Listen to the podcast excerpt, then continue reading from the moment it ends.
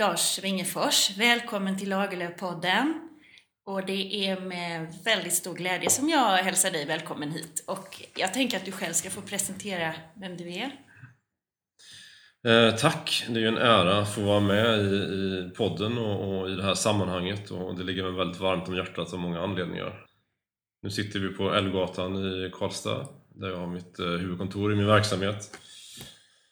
Bakom oss sitter vi på en tavla med eh, motivet eh, Mårbacka som är, som är av Lars Lerin. Så det känns väldigt närvarande i vardagen här också. Ja, och anledningen till att vi sitter här det är ju att du har bestämt dig för att vara med och ja, ge bidrag till spridning av Selma Lagerlöf om både hennes liv och verk via ett stipendium.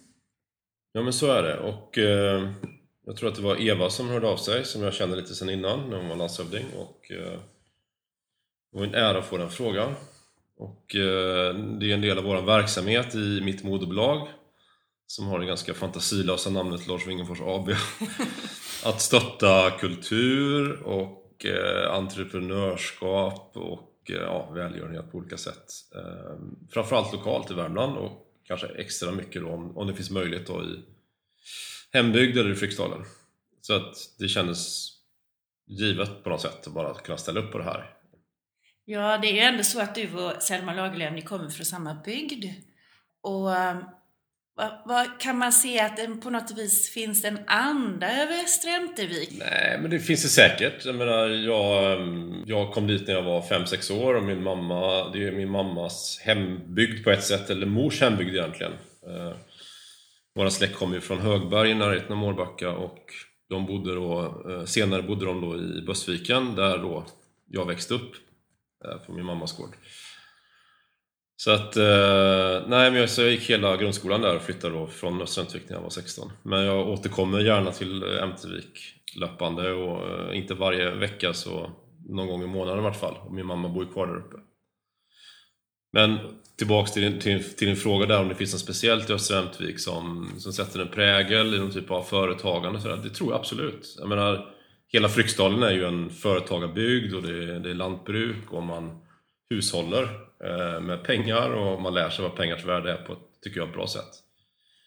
Och det var väl samma för mig egentligen. Det fanns inte pengar på samma sätt som det finns idag, även när jag växte upp på 80-talet. I alla fall inte i vår familj. Och man fick liksom tjäna upp sina egna pengar för att köpa sina kläder eller bensin till moppen eller vad man nu ville ha liksom. Och, eh, så då, då, fick man ge sig ut på bygden. Eh, jag sålde frön och jultidningar och DN och lärde mig gå på auktioner där jag fick lära mig sakers värde. Man kunde köpa, köpa billigt och sen sälja dyrt.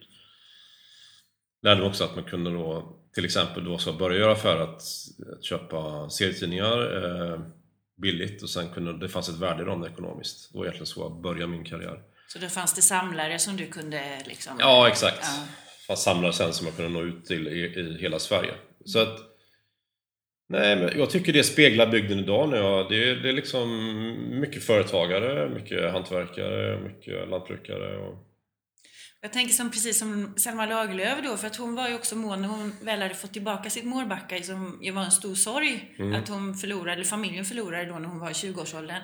Så strävade hon ju efter att just få en levande bygd, att hon ville, hon ville ju anställa så många hon bara kunde. Mm. Och hon var en god företagare, hon, i bemärkelsen en god företagare att hon tog hand om sina anställda också, att det fanns mm. en, en eh, känsla för bygden.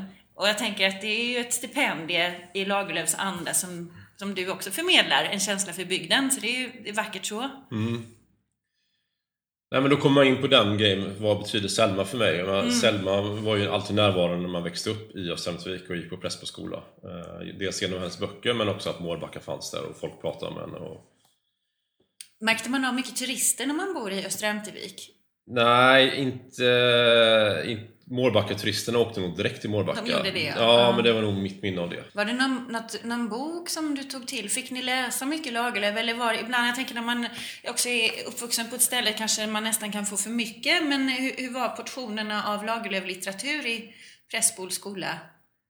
Eller i ditt Jag tyckte liv? den var god faktiskt. Ja, vad roligt. Eh, jag gillar att läsa mycket. Eh, kanske inte så mycket skönlitteratur, men, men ja, andra böcker. Men Men Kejsaren och Portugalien, eh, jag tror Körkaren och sen var väl kanske Nils Holgersson närvarande från början på något sätt. Ja. Så att absolut, hon bidrog ju till hela utbildningen i början på något sätt. Eh, Men för mig har ju Selma växt till någonting mer. Jag menar, man, när man blir vuxen så följer man ju saker på, på annorlunda sätt. Eh, och jag tycker ju, vi, när vi, i vårt företagande idag så, så pratar vi väldigt mycket om jämställdhet och mångfald och att man bryr sig om andra människor och de som behöver på olika sätt hjälpa till. Och jag tycker ju att Selma var ju, om inte hundra år före sin tid, så var hon väldigt långt före sin tid. Det fanns en värdegrund som hon stod för som är, Ja. som är väldigt, ja som du säger, hon var Och otroligt det har ju växt liksom. Och det är väldigt... Och det är väl också en anledning till att det känns väldigt rätt. Jag menar, det kan ju finnas kanske andra författare som kanske speglar sin tid på ett annorlunda sätt. Men hon växer ju lite tycker jag i, i det hänseendet. Tillsammans med hennes företagande. Och jag ska säga också till lyssnarna här att stipendiet är ju på 25 000 kronor per år Mm. till någon som också jobbar lite i framkant som på olika sätt eh, kan föra ut Lagerlöf på nya sätt. Eh, och där tänker jag också att du med ditt företag, du har ju varit den där som, om det, det jag kan om dig, det är Mm. svårt för mig att sitta och säga som träffar dig första gången, men det jag har läst om dig så är det ju en Eh, du ser den nya tekniken, du eh, är kvick på de nya sakerna och Lagerlöf var ju lite likadan. Med att få sitt berättande ut i film, hon använde sin radio. Ja, Eh, så är det. Så att även om ni kanske, jag vet att det var någon som sa att hon, hon satt där ute i provinsen, så inte var ni provinsialiska i ett sätt att förhålla er till teknik i alla fall. Nej, det är men något det du har reflekterat över? Ja. Det stämmer ju. Jag har faktiskt en av de första bioaffischerna. Det var Körkaren va? ja, den är häftig, den där svartvita. Ja, det är en av mina samlingar av gamla bioaffischer. Nej men, eh, så är det ju. Och, nej, men jag jobbar ju med dataspel.